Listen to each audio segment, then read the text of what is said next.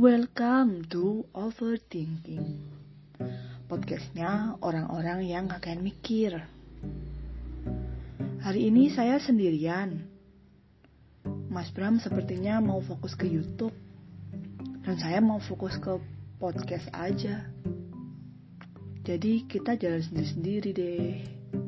Tapi nanti suatu waktu mungkin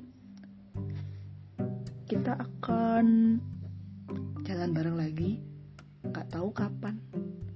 Tunggu aja ya. Dengerin aja, jangan bosan.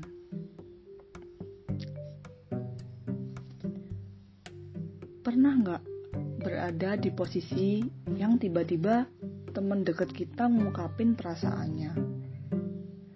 Dia bilang dia ngerasain ada yang berdebar saat bersama. Butuh kehadiran kita, pengen berubah jadi sosok yang lebih baik buat kita. Dan segala kalimat manis yang entah dari mana sumbernya. Yang bahkan terlintas di pikiran kita aja tuh enggak.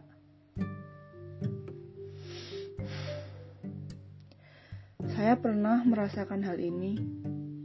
Mungkin sekitar 9 atau 10 tahun yang lalu Seseorang yang biasanya ke kantin bareng saya, makan indomie goreng bareng saya, mengantar pulang ketika saya tidak dapat bus, curhat dan berbagi kesedihan tentang pacar masing-masing.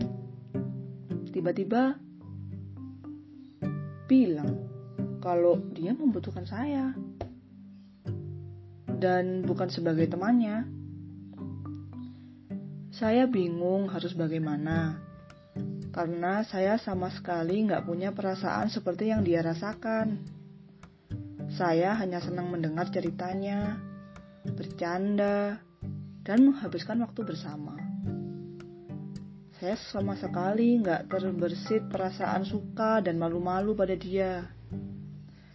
Saya tak punya orang lain yang saya sukai. Saya memilih mengabaikannya. Saya tidak marah ataupun kecewa karena takut hubungan pertemanan kami rusak.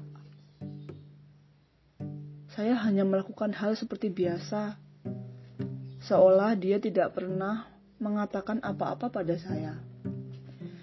Kami tetap makan bersama, mengerjakan tugas bersama, dan melakukan hal seperti biasanya. Lambat laun, dia mengerti bahwa saya tidak merasakan apa pun padanya.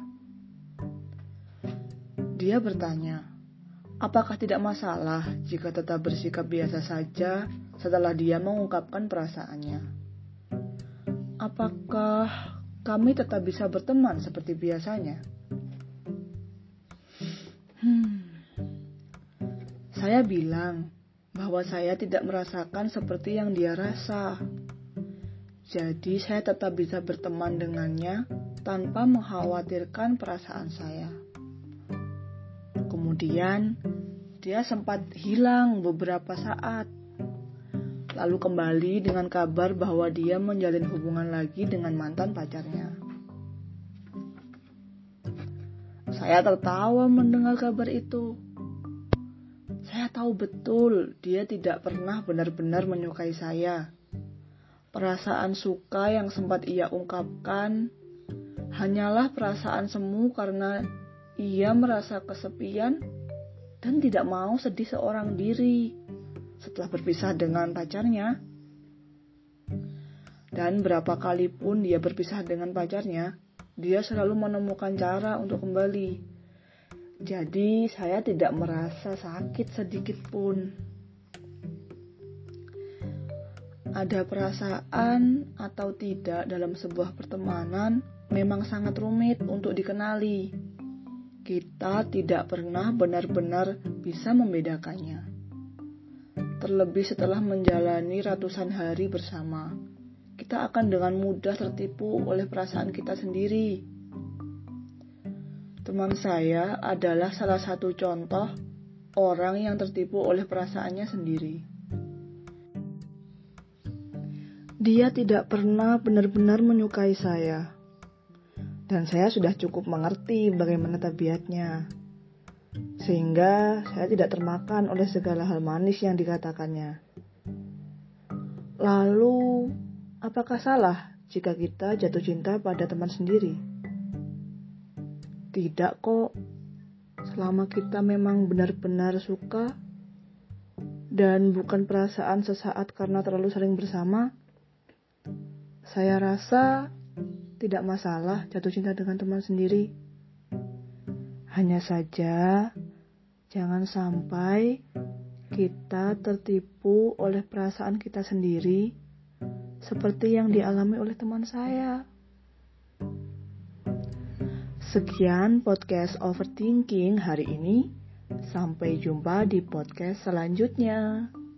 Bye.